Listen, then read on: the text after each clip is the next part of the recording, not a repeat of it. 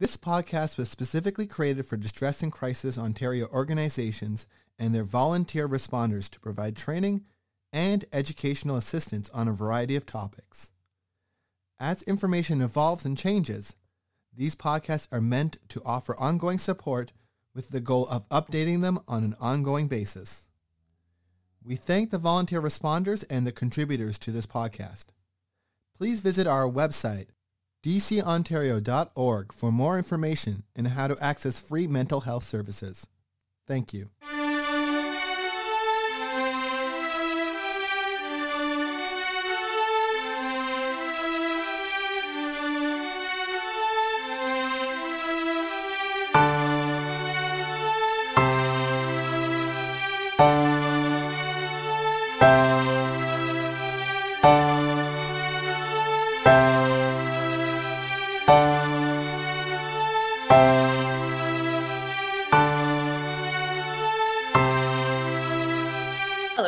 My Plant, and I am the Program Manager at Distress and Crisis Ontario. Thank you for listening to our podcast. Today, I am joined by Emily Huynh, who is a registered social worker with a Bachelor of Social Work degree from Renison University College. She currently works as a direct client support worker on the National Eating Disorder Information Center's Helpline Services and as a community engagement facilitator with their outreach and education team. When facilitating eating disorder prevention work, Emily aims to provide a space where audiences can explore the ways in which identity and the social determinants of health can impact people's experiences with an eating disorder. So thank you for joining us today, Emily. Can you please begin by telling us a little bit more about the National Eating Disorder Information Center and the work that you do? Yeah, thank you, Caitlin.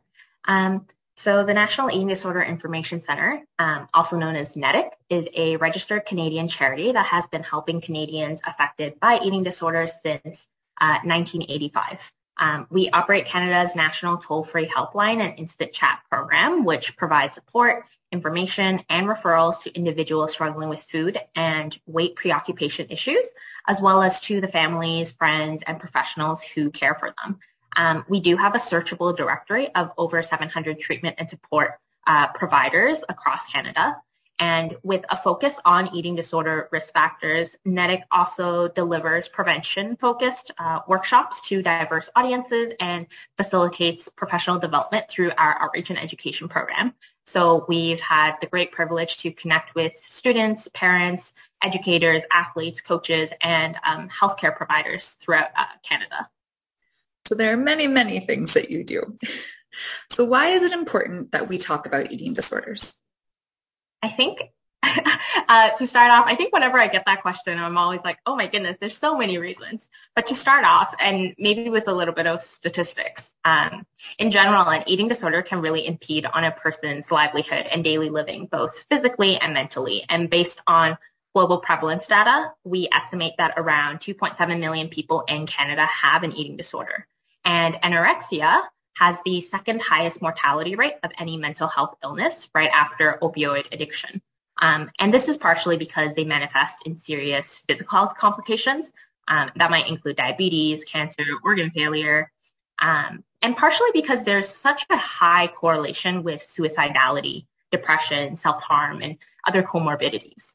Eating disorders are often really underrecognized due to stigma, and so some people who are affected may be secretive or you know ashamed and go to great lengths to really hide their disorder.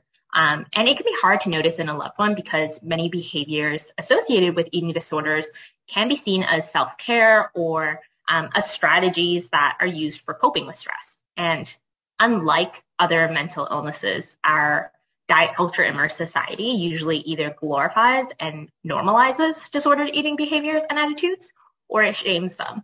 So often this duality only discourages help seeking and, you know, instead increases feelings of shame. I also wanted to point out that there's a common misconception that an individual chooses to have an eating disorder, but it's really important to understand that that's not the case. There's a combination of biological, psychological, and social factors in, involved, and a lot of it can be really out of our control. Eating disorders don't discriminate, and they can affect people of all genders, uh, sexual orientations, ages, socioeconomic classes, abilities, race, you know, ethnic backgrounds. It's, I think, really important to talk openly about and destigmatize this issue um, and think beyond the stereotype of it being a young, white, privileged, cisgender woman's concern. Um, when people of color um, or those in larger bodies, disabled bodies, trans bodies, don't see representation in conversations about eating disorders and in recovery, it only creates more barriers to accessing help and often perpetuates those feelings of being unworthy of healing um, and receiving care. So I think uh, fundamentally there's a lot of room for us to improve and work towards fostering a culture that celebrates natural physical diversity um, that helps us, you know, trust and appreciate our bodies and recognize all the different values that food does bring to our lives. Mm-hmm. For anyone who's listening that maybe isn't sure what we mean by eating disorder, could you actually maybe provide just a quick description of what the most common eating disorders are? Yeah, so um, eating disorders kind of exists on a spectrum. And I guess when we're talking about it, uh, we can talk about it as disordered eating as well as eating disorders. Often when we say eating disorders, we might be re- referring to something that's clinically recognized. And some of the terms and categorizations that you might hear of and come across is, uh, you know, anorexia nervosa, binge eating disorder, um, bulimia nervosa. Uh, those are those three are probably the most common ones. Some of them, some of the labels that you might hear may be a bit more informal, but just as worthy and serious and, um, you know, of getting attention and the care that it needs would be orthorexia. Um, that's one that we hear more of um, within the past recent years, and that's you know with a really heavy fixation on um, eating and maintaining quote unquote healthy lifestyles, foods, um, engaging in exercise in that way. Thank you. Um, so do you have any advice for someone who might be listening to this podcast who is struggling with disordered eating, but they aren't sure how to ask for help? Mm-hmm. I think first off, I want to say that it can definitely be scary and overwhelming to realize that there may be a cause for concern and to think about and actually reach out for help. So I also want to say that know that feeling conflicted about recovery or healing, whatever you kind of conceptualize that as, it's really normal and it doesn't invalidate the small or large part of you that is still worried and wants something to change. Um, I think in terms of steps and some things that might make it easier to ask for help is to try and identify a safe person. So someone who you feel like you can trust. You know, while they might not know that much about disordered eating or eating disorders at the moment of your conversation, we trust that if there's someone that you trust, they are someone who genuinely cares for you and they would be open to learning about how to support you. And of course, relating to that, I think in terms of initial conversations and ongoing support wise, find a safe space, a neutral kind of time, um, you know, a private space where you feel comfortable being a bit more vulnerable. It can also be really helpful to write out a list of your symptoms and concerns um, and going beyond just the physical aspects. So mentioning behavioral or mood changes as well. Um, if you can find it in yourself to kind of articulate why you think you may be engaging in these thoughts, feelings, or behaviors, um, write that down too. Generally, writing something down can really help organize your thoughts and ensure that if or when you do reach out, you'll be addressing the multiple facets of your experience. Um, I think it's really important that others understand that the disordered eating is not just about food, but that it's impacting your daily life in other ways too. And sometimes uh, verbalizing your concerns and asking for help can be extremely difficult, especially if maybe you already struggle with anxiety or something similar to that. Um, so having something written to kind of read off of or to read out loud or to physically hand over to someone can really help ensure that you're still communicating uh, your needs. Um, as well, of course, I can't forget to mention, you can always reach out to NEDIC on our helpline or our chat services.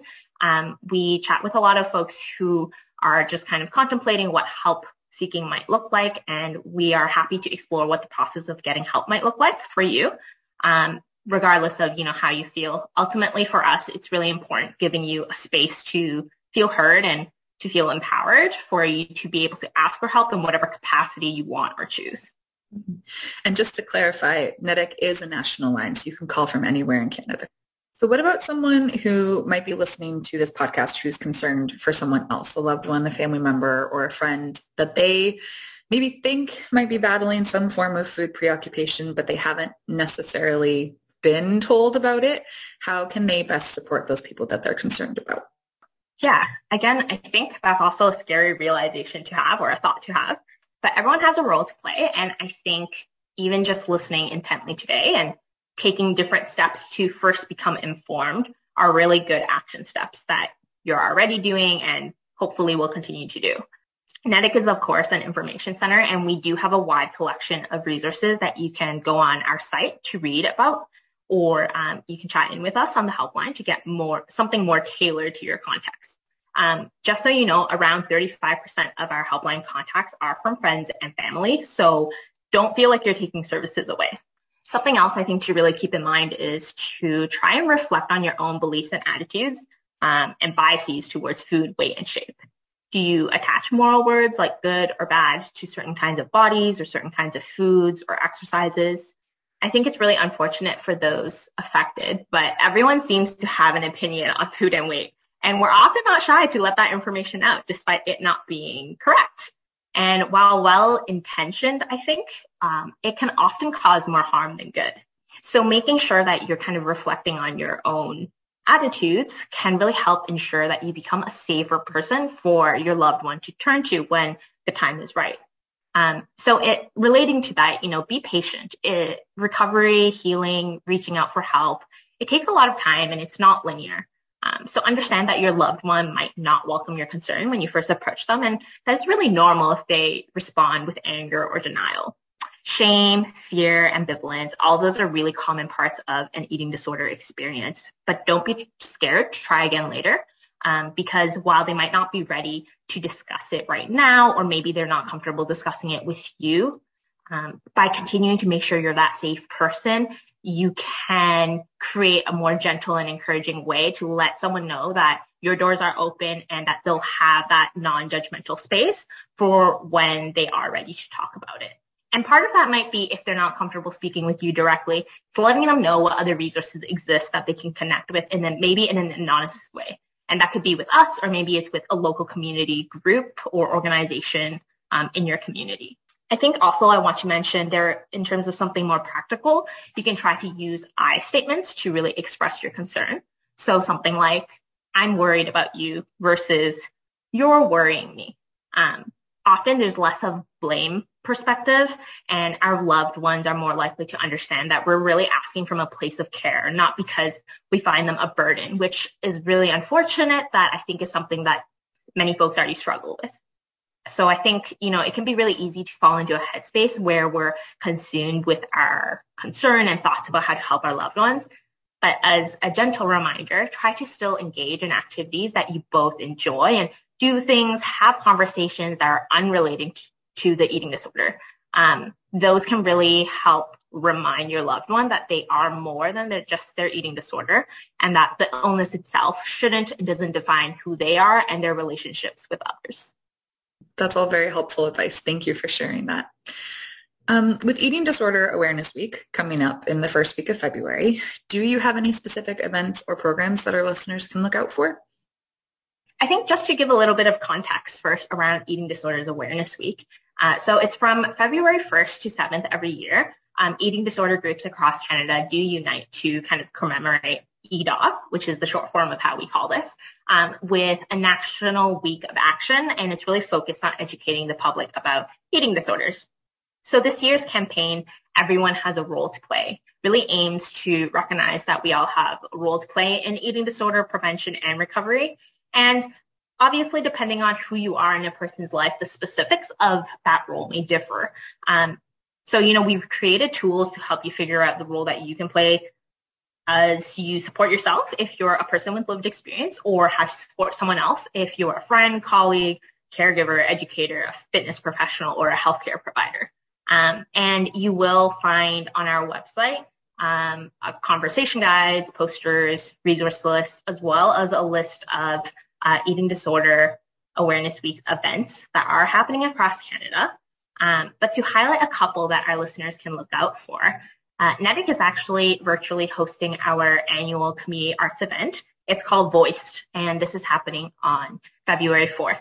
Um, so it'll be an evening of performance and advocacy in support of those living with and affected by eating disorders.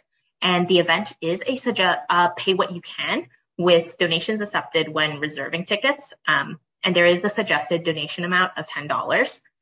For transparency, 100% of the profits do go back towards NEDIC's Helpline and instant chat services to continue supporting folks who are affected by eating disorders. There will also be a variety of webinars hosted by different community organizations. One that will focus on the intersection of trauma and disordered eating. As well, there's another one that I know will be uh, tackling a caregiver's role in supporting recovery from an ED um, as well as including strategies and resources. Um, so I highly encourage folks to keep an eye out on our EDA events page uh, just to stay updated with the various local and national events as they continue to uh, get updated and shared. So I'll be sharing links to these events um, and just NEDIC's information in general in the show notes of this podcast. You can also find NEDIC's information just on our website in our resources section as well.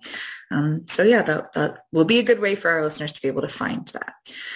So having covered all of what EDA is about, if any of our listeners maybe find it challenging to handle that influx of messaging during any sort of awareness week, do you have any suggestions on how they can find support?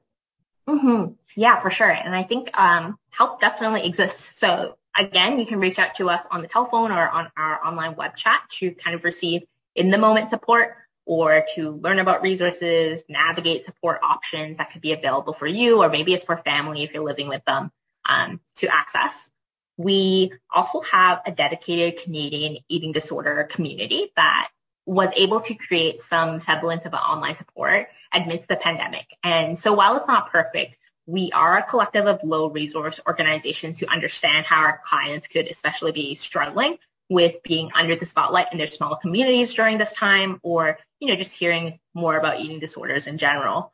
Um, so getting connected with an online peer support group could also be a really great option to find a space where you're understood, heard, um, and maybe step away from the kind of outside messages you might be hearing a lot of. Hmm, awesome. So thank you so much for sharing all this information with us today. Um, before we wrap up, I just want to ask if there's anything else you would like to add that we haven't already covered. Um, I don't think so. I think I just maybe want to reiterate that help exists and that there's a variety of different options for folks who are directly affected um, for you to reach out and have a space where you can feel heard.